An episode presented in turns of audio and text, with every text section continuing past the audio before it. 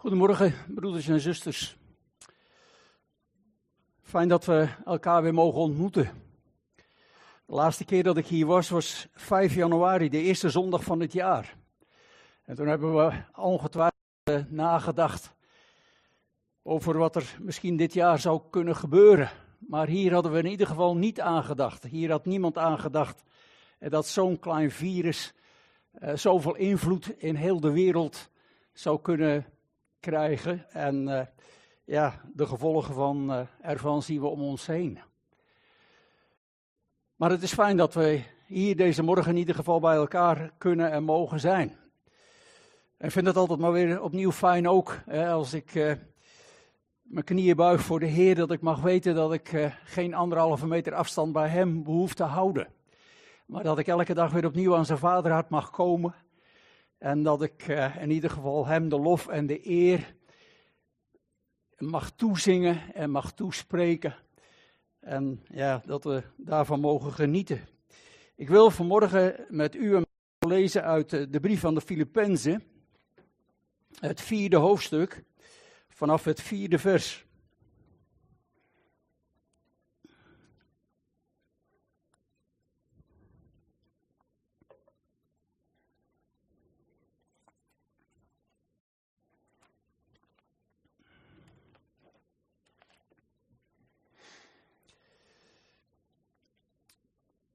Filippenzen 4 vanaf vers 4. Verblijd u in de Here te alle tijden. Wederom zal ik zeggen, verblijd u. Uw vriendelijkheid zij alle mensen bekend, de Heere is nabij. Wees in geen ding bezorgd, maar laat bij alles uw wensen door gebed en smekingen met dankzegging bekend worden bij God. En de vrede Gods, die alle verstand te boven gaat, zal uw harten en uw gedachten behoeden in Christus Jezus. Voorts, broeders en zusters, al wat waar, al wat waardig, al wat rechtvaardig is, al wat rein, al wat beminnelijk, al wat welluidend is, al wat deugd heet en lof verdient, bedenk dat. Wat u geleerd en overgeleverd is, wat gij van mij gehoord en gezien hebt, breng dat in toepassing en de God des vredes zal met u zijn. Ik heb er mij ten zeerste over verblijd in de Here, dat gij nu uw belangstelling in mij hebt kunnen verlevendigen, omdat gij wel belangstelling had, maar niet de gelegenheid. Niet dat ik dit zeg, al zou ik gebrek lijden, want ik heb geleerd met de omstandigheden waarin ik verkeer genoegen te nemen. Ik weet wat armoede is, ik weet wat overvloed is. In elk opzicht en in alle dingen ben ik ingewijd. Zowel in het verzadigd worden als in honger lijden, zowel overvloed als gebrek. Ik vermag alle dingen in Hem die mij kracht geeft. En dat is ook de tekst voor vanmorgen. Ik vermag alle dingen in Hem die mij kracht geeft. En maar staat daarboven, de Heere is nabij. We leven in een hele vervelende tijd, in een spannende tijd en eigenlijk in een onrustige tijd. Er gebeuren zoveel dingen in een korte tijd dat we het eigenlijk bijna niet meer bij kunnen houden.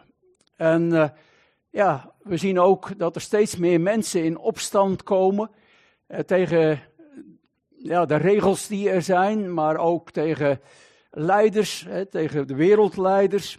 En de wereldleiders die, ze, die onderling dan elkaar ook nog een beetje uitdagen. In ieder geval, het is geen prettige tijd om in te leven. En dan natuurlijk ook nog ja, de spanning die er is. Heel veel mensen die zijn toch bang dat ze ook het virus zullen uh, krijgen en ja, de gevolgen daarvan. En natuurlijk, we zitten daar niet op te wachten. Maar ja, dat, dat brengt allemaal spanningen met zich mee. En dan nog ja, de keren dat je hoort en leest dat mensen elkaar doodschieten en doodsteken. Toen ik vanmorgen hierheen kwam rijden en ik hoorde het nieuws, eh, was dat ook vannacht weer of gisteravond laat weer gebeurd. Hè, dat er zomaar weer eentje doodgestoten is, eh, nee, sorry, gestoken is en de andere zwaar gewond is. En zo gaat het maar door. Hè. En, ja, soms zeggen mensen wel, gebeuren er ook nog fijne dingen. Nou, er gebeuren fijne dingen genoeg. Maar ja, het is maar net daarna waar je je door laat leiden. Hè? Laat je je leiden door de omstandigheden en de dingen die je, ja, zeg maar, meesleuren en waar je verdrietig om wordt of onrustig van wordt. Of laat je je mee slepen, om het zo maar te zeggen, door de dingen die je bemoedigen en, en de fijne dingen die er gebeuren. Die gebeuren er ook maar genoeg. Maar toch, over het algemeen merk je gewoon dat mensen mopperen en, en ontevreden zijn. En niet alleen mensen die niet naar de kerk gaan, maar ook de mensen die in de kerk komen. Steeds vaker hoor ik broeders en zusters om me heen mopperen.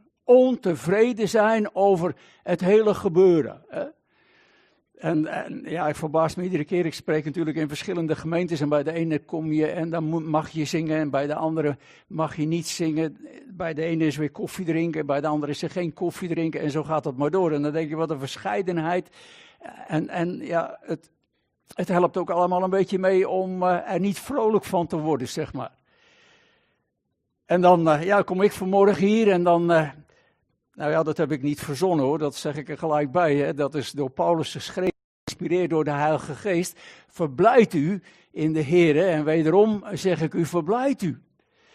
En dan denk je, ja, dat is het. Hè? Dat kunnen we misschien niet altijd zomaar zeggen of ervaren in ons leven. Het staat er anders wel. Hè? Verblijd u in de Heer ten alle tijden. Niet in de omstandigheden, maar verblijd u in de Heer. En dan kun je misschien wel denken, ja, Paulus, dat kun je nu wel makkelijk schrijven, maar je moet eens kijken wat ik meemaak. Je, moet, je moest eens weten wat er in mijn leven plaatsvindt. Hoe kan ik nu blij zijn? Hoe kan ik nu vriendelijk zijn? Met zoveel ellende in mijn leven, met zoveel pijn, met zoveel moeite, met zoveel verdriet. Mij lukt het niet om blij te zijn. Hè? Nou, als je zo een beetje het leven van Paulus eh, bestudeert, dan had hij eigenlijk ook niet zoveel reden om blij te zijn. En toch schrijft hij, blijft u. Als ik zo lees in 2 eh, Korinthe 6, misschien is het fijn om dat zo even te lezen, hè, wat, wat Paulus daar meegemaakt heeft. 2 Korinthe 6 vanaf vers 3.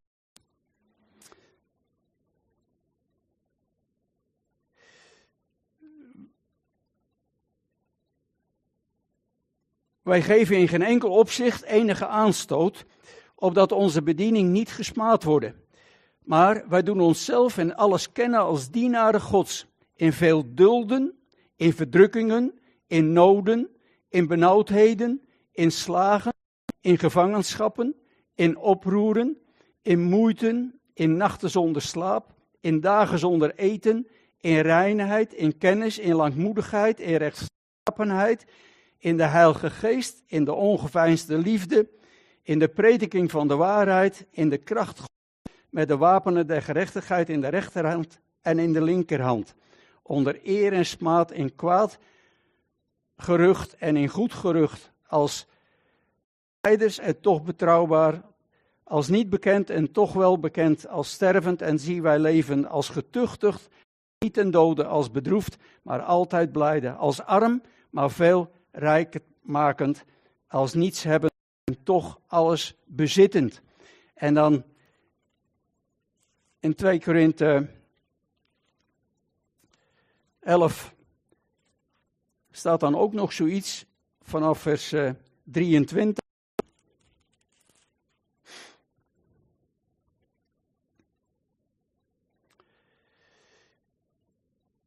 Dienaren van Christus zijn zij, ik spreek tegen mijn verstand in. Ik nog meer, in moeite veel vaker, in gevangenschap veel vaker, in slagen maar al te zeer, in doodsgevaren menigmaal. Van de Joden heb ik vijfmaal de veertig min één slagen ontvangen. Driemaal ben ik met de roede gegezeld. Eens ben ik gestenigd. Driemaal heb ik scheepbreuk geleden. En etmaal heb ik doorgebracht in de volle zee. Telkens op reis in gevaar door de vieren, in gevaar door rovers, in gevaar door volksgenoten, in gevaar door heidenen, in gevaar in de stad, in gevaar in de woestijn, in gevaar op zee, in gevaar onder valse broeders, in moeite en inspanning, tal van nachten zonder slaap, in honger en dorst, tal van dagen zonder eten, in koude en naaktheid En dan, afgezien van de dingen die er verder nog zijn, mijn dagelijkse beslommeringen, de zorg voor al de gemeenten. Indien iemand zwak is, zou ik er dan niet zijn? Indien iemand aanstoot neemt, zou ik dan niet in brand staan? Dat is het leven van Paulus zomaar in het kort samen gelezen. Het is onvoorstelbaar wat die man heeft meegemaakt. daar, ja, ik ben er in ieder geval niet jaloers op. Dat zijn nogal wat dingen die hij daar opgetekend heeft. En die Paulus, die schrijft dan ook, verblijd u ten alle tijden. Weet je, hij weet waar hij het over heeft. En ik denk ook, hè, we zeggen dat er altijd bij, verblijdt u in de Heer niet in de omstandigheden. Maar ik denk dat dat verblijden nog iets verder gaat dan zomaar een beetje blij zijn, omdat het wat goed gaat met je, of misschien wat minder goed gaat met je. Maar dat je blij bent, dat je mag weten, eens de Heer Jezus Christus heel lang geleden op het kruis van Golgotha de prijs betaald heeft eh, om de zonde en de gevolgen van de zonde weg te nemen. En als je daaraan denkt in de omstandigheden waarin je verkeert, dat je mag weten wat ook in mijn leven gebeurt op dit moment, er komt een einde aan. De Heer Jezus Christus heeft geroepen, het is volbracht. En omdat Hij het volbracht heeft, omdat Hij zichzelf gegeven heeft, zijn leven afgelegd heeft en het weer genomen heeft, mogen wij weten, er komt een einde aan. En in die gedachte kunnen we altijd verblijden. Het zal een keer ophouden. Want ik ben inmiddels al genoeg bij mensen geweest die, die pijn hebben en die moeite hebben, die zorg hebben, die verdriet hebben. Niet zomaar tegen kunt zeggen, ja maar verblijd je maar. Verblijd je in de Heer. Niet in die omstandigheden, maar verblijd je maar in de Heer. Dat kun je zomaar niet zeggen en dat kan ook zomaar niet. Er zijn dingen in je leven waar je absoluut niet blij mee kan zijn. Maar wel met de gedachte dat er een moment zal komen dat dit alles op zal houden. En we kijken nu uit naar het.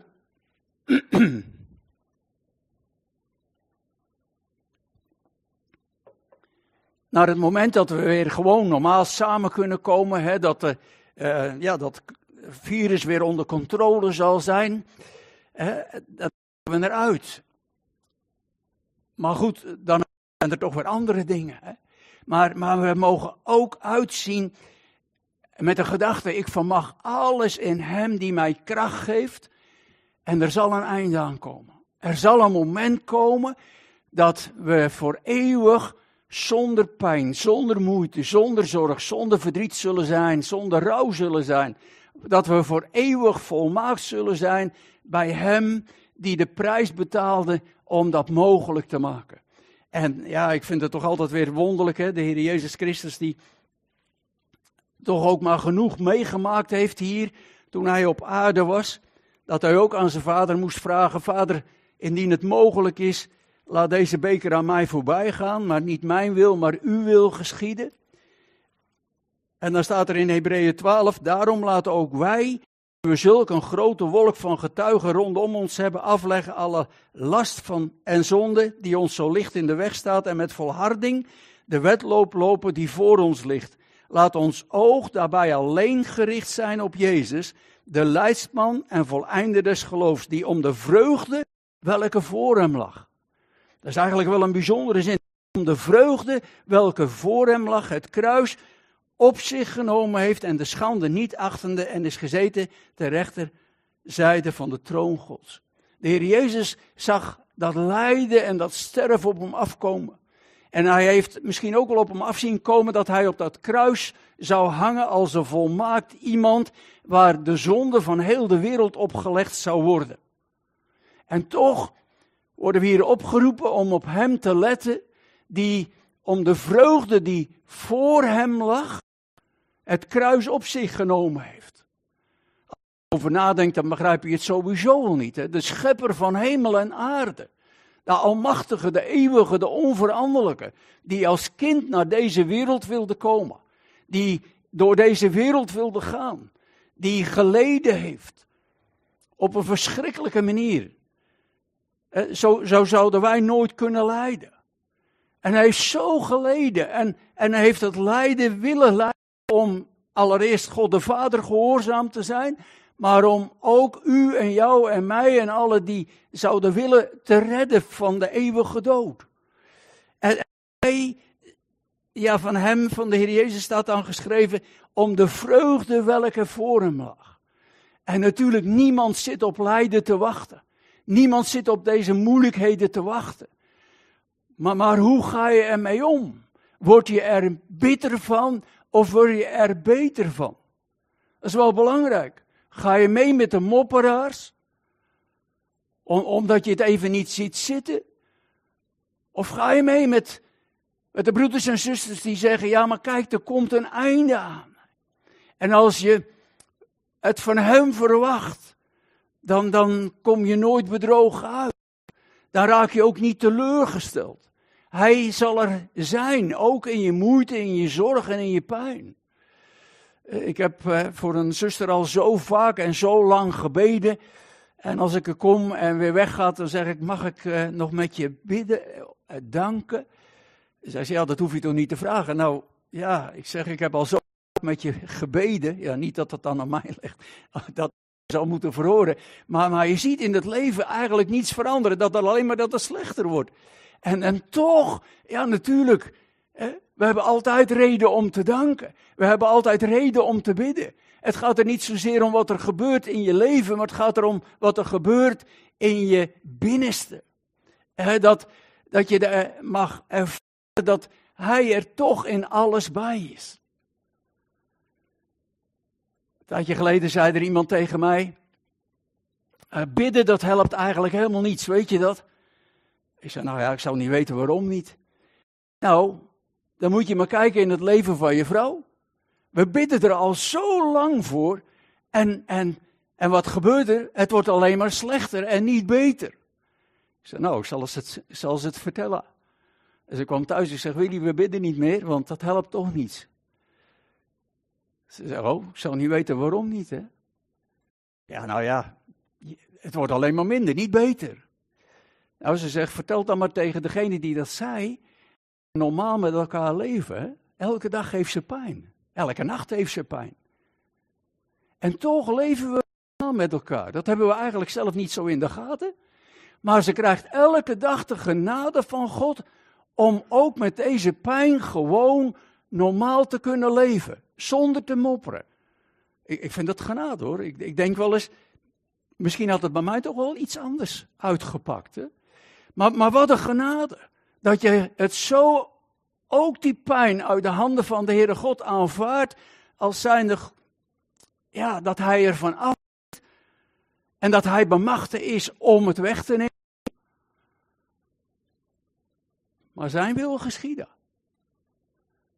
En dan denk ja, zie je, en, en dan zijn we toch nog blij, en vooral Willy is toch nog blij, niet in, met die pijn, nee, maar met de Heer. En de wetenschap dat er een moment zal komen dat die pijn er niet meer zal zijn. En zo kan het ook in u en in jou en in mijn leven.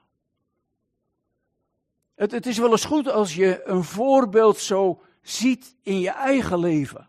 Of in, in het leven van liefde. En het is natuurlijk altijd makkelijker, eh, vooral als je hier staat, om zomaar de dingen even aan te tippen en te roepen: verblijft u ten alle tijden. Maar inmiddels weet ik ook waar het over gaat. Hè?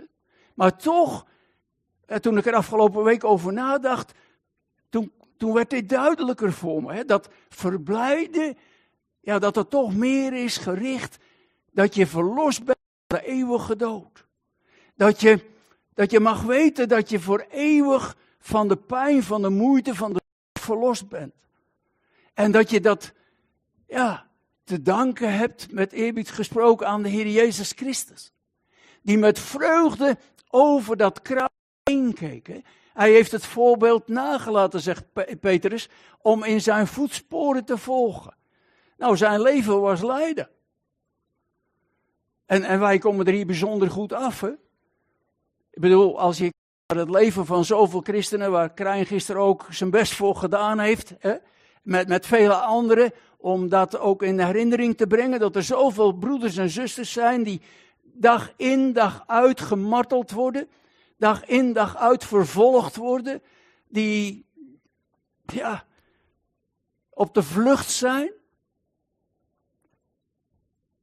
Dat, daar kun je eigenlijk niks bij voorstellen. En dat die broeders en zusters nog voor ons bidden. Daar begrijp je dan ook helemaal niets van. Die kunnen dan toch ook in die omstandigheden nog blij zijn. Niet met die omstandigheden, maar in de Heere God.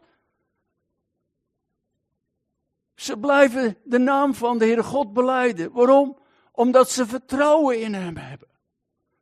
En dan denk je, ja, dan, dan kunnen wij toch wel eens een, een les daar uittrekken. Wij hier in Nederland, misschien ook in andere landen, maar in Nederland, daar weet ik het van, hè, dat we als broeders en zusters over hele kleine pietlullig, luttige dingetjes eh, ons druk maken. Het is onvoorstelbaar. Zoveel broeders en zusters die niet meer door ene deur kunnen. Maar omdat ze er gelijk willen hebben. Of ja, dat het gezicht van, van de broeder of zuster hen niet aanstaat. Of de houding, ik weet het ook niet. Hè? Twee broers en twee zusters die het eigenlijk goed zouden moeten maken, maar het toch niet doen. Waarom nou niet? We hebben het hier zo goed. En toch, we maken er met elkaar een puinhoop van. Ik denk zo vaak aan de woorden die de Heer Jezus uitsprak in Johannes 17, als hij zegt, Vader, opdat zij één worden zoals wij één zijn. Nou, in die 2000 jaar hebben we er nog niet veel van gemaakt. Maar misschien zouden wij ermee kunnen beginnen. Om te proberen één te worden. Om er voor te, elkaar te zijn. Misschien juist in deze tijd. Hè? Vooral ouderen die zo alleen zijn, zo eenzaam zijn. Die het zo moeilijk hebben. Dat we daar naar omzien. En dat we elkaar mogen bemoedigen, mogen weten die, die, vier woordjes die er zomaar tussen staan. Hè? De Heere is nabij. Want, want dat is het geheim, dat is de sleutel. De Heer is nabij. Wij kunnen dat niet. Wij kunnen niet blij zijn. We kunnen niet vriendelijk zijn. Tenminste niet zoals het bedoeld wordt daar. Maar, maar de Heer is nabij. Dat vind ik dan wel weer bijzonder. En dat je mag weten en zeggen, er mag alle dingen in Hem die mij kracht geeft.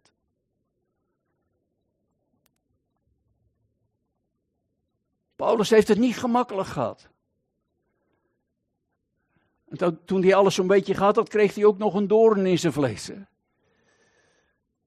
Die de Heer ook niet weg wilde nemen.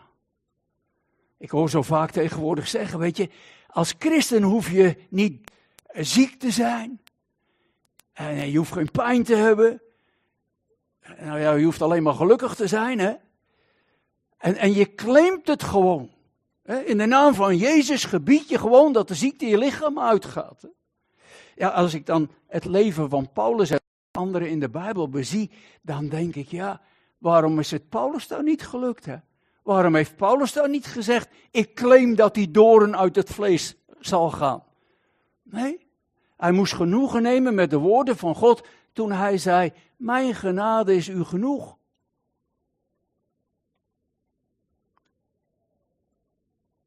Ja, wij willen niet ziek zijn, dat begrijp ik best.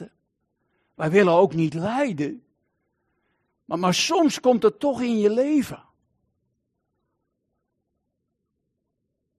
Kijk naar het leven van, van Job.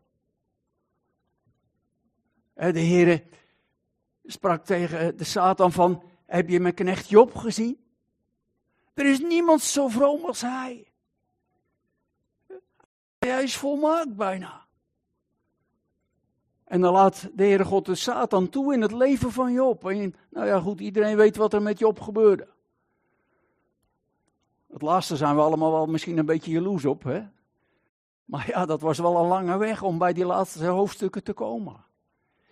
Maar, maar toch kunnen we misschien daar ook wel uit leren dat de Heere God soms dingen in je leven toelaat. Niet om er bitter van te worden, maar om er beter van te worden. Om weer op Hem gericht te zijn. Om niet je eigen weg te gaan, maar Zijn weg te gaan. En dat is niet eenvoudig. Want er wordt zo vaak en zo veel aan ons getrokken. En zoals we ook die, die mooie woorden gelezen hebben. Hè, voor broeders en, en ook de zusters. Hè, bedenkt al wat waar is. Nou ga er maar aan staan in deze tijd. We leven in de leugen. En we moeten aardig ons best doen. Ja, buiten de waarheid, of eh, buiten de Bijbel, want dat is de waarheid. Hè, daar moeten we ons aan vasthouden. Maar, maar wat je zo hoort, hè, wat is waar? Elke keer we ons afvragen, ja, maar is dat waar? Maar, maar, in ieder geval voor jezelf, bedenkt al wat waar is. Dan moet je ook weten wat waar is. Dan, ja, de Bijbel is de waarheid. De Heer Jezus is de waarheid. Ik ben de weg, de waarheid en het leven.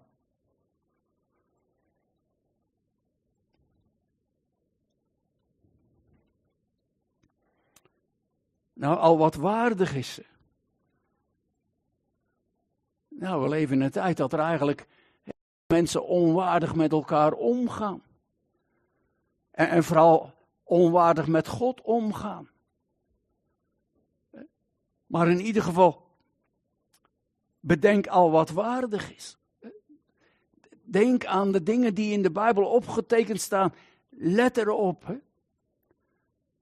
Ja, als je zo af en toe eens een keer in de Bijbel leest, dan word je niet echt veel wijzer van. Maar het is ook de bedoeling dat we elke dag weer opnieuw in de lezen. Niet omdat ik dat wil, zo moet u dat niet horen. Maar omdat dat eigenlijk vanzelfsprekend is. Hè? U weet ook elke dag drie keer als het goed is, of twee keer. Eh, en als u één keer eet, zelf weten. Maar, maar goed, ja, daar ga ik niet over. Hè? Maar, maar, maar met Bijbel lezen is het ook zo. Hè? Lees dan minimaal in ieder geval één keer in de Bijbel, maar, maar lees dan ook in de Bijbel. Of, ja, zoals ik het voor mezelf wel eens denk. Ja, Heer, lees mij maar. Dat, dat ik de Bijbel, ja, mij laat lezen. Dat, dat je werkelijk gaat zien wie je bent. Ja, het is makkelijk eh, om te zeggen natuurlijk, ik ben een zondaar. Dat klinkt misschien ook nog wel een beetje vroom, hè? Maar ja, als je Romeinen 3 leest, waar je met je neus op de feiten gedrukt wordt, wat de Heere God over je denkt en van je denkt, hè? dat je, er is niemand rechtvaardig, niet één. Nou, dan, dan kom je er toch in één keer achter, dan blijft er niet veel van je over. Dan kun je makkelijk roepen, ik ben een zondaar, maar ja, er blijft eigenlijk weinig van over. Maar wat is het dan heerlijk dat je mag weten door het geloof van de Heer Jezus Christus een ander mens geworden bent. Een nieuwe schepping geworden bent. Dat je duur gekocht en betaald bent. En dat het daarom eigenlijk vanzelfsprekend is dat je meer over de Heere God en over de Heer Jezus wil weten. En misschien ook wel meer over jezelf wil weten en tot de conclusie komt zoals Johannes tot de conclusie kwam, ik moet minder worden. Hij moet meer worden. Hij moet wassen en ik moet minder worden. Dat zijn dingen die je in de Bijbel tegenkomt. En dat is ook zo belangrijk als we dus de Bijbel gaan lezen, dat, dat we dat ja, eigenlijk biddend gaan doen. Dan gaan we ook ontdekken wat waar is en wat waardig is en wat rechtvaardig is. Want eigenlijk is er maar één die aan al deze dingen voldoet en dat is de Heer Jezus Christus. En, en, en de Heere God die wil zo graag dat we op Hem gaan lijken, dat we Hem gelijkvormig zullen of worden. En wat is er dan mooi als je je daar naar uit mag strekken. Ik zal er nog veel meer over kunnen zeggen, maar de tijd gaat ook weer gewoon door, zie ik. Nog één dingetje. Vers 9, wat u geleerd en overgeleverd is. Dat, dat is ook belangrijk. Dat elke keer als je in de Bijbel leest, elke keer als je naar de samenkomst gaat, en ja, hoeveel preken heb je inmiddels al gehoord? En hoe vaak heb je al in de Bijbel gelezen? En, en, en ik hoop toch dat dat je veranderd heeft. En dat, dat je daarvan geleerd hebt. En ook de dingen die je overgeleverd zijn, dat je daarover nadenkt en, en dat je daardoor geleerd wordt. En dan zegt Paulus aan al wat, wat je van mij gehoord hebt, ja, en gezien hebt. Nou, wij hebben niets gehoord van hem en we hebben hem ook niet gezien. Maar in ieder geval de woorden die hij gesproken heeft, kunnen we ook met elkaar delen, kunnen we ook met elkaar lezen. En, en bij dat laatste dacht ik, ja, dat is toch eigenlijk wel mooi, hè? Gehoord hebt en wat je gezien hebt. Ik dacht, ja, jullie hebben mijn oude leven niet gezien, gelukkig. mijn vorige leven. Maar het is er wel geweest. En door die jaren heen hebben jullie hopelijk wel iets gezien in mijn leven. En ontdekt. En zo is het ook bij u en bij jou. Dat de omgeving iets van je hoort. En dat de omgeving iets van je ziet. En dat ze daardoor ja, verlangend worden om, om Hem te leren kennen. En voor jezelf, als je die dingen in toepassing brengt, dan staat er zo, en de God des zal met u zijn. Mooi hè? De God des vredes zal met je zijn. In alle omstandigheden die je ook maar kunt denken, zal de God des vredes met je zijn. En dan hebben we alle reden om ons te verblijden. Om blij te zijn in Hem. Om blij te zijn om over het kruis heen te kijken in de heerlijkheid waar we straks zullen zijn. Wat bijzonder. De Heer is nabij. En ik vermag alle dingen in Hem die mij kracht geeft. Zullen we danken. Vader in de hemel, we willen u zo hartelijk danken. Dat we deze morgen zo een moment samen eh, mochten komen. En samen naar liederen mochten horen die voor ons gespeeld zijn. Dat we samen uw woord mochten openen en daarover na mochten denken. En dan willen we vragen, wilt u door uw heilige geest de woorden in ons hart uitwerken?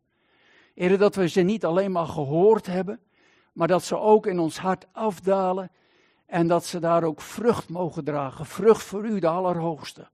Heer, opdat ja, u er behagen in kunt hebben. U heeft beloofd, uw woord zal nooit ledig weerkeren. Maar het zal altijd dat doen wat u behaagt. Heer, en laat zo uw woord in onze harten dat doen wat u behaagt. Tot verheerlijking van uw grote en nooit vol prezen naam. Heer, wil zo deze gemeente zegenen en wilt u haar tot zegen stellen. En bidden ook voor de leidinggevende, wilt u ze wijsheid en inzicht geven dat ze zo ook de gemeente, maar daarin ook u mogen dienen. Heer, we prijzen uw naam in de naam van de Heer Jezus. Amen.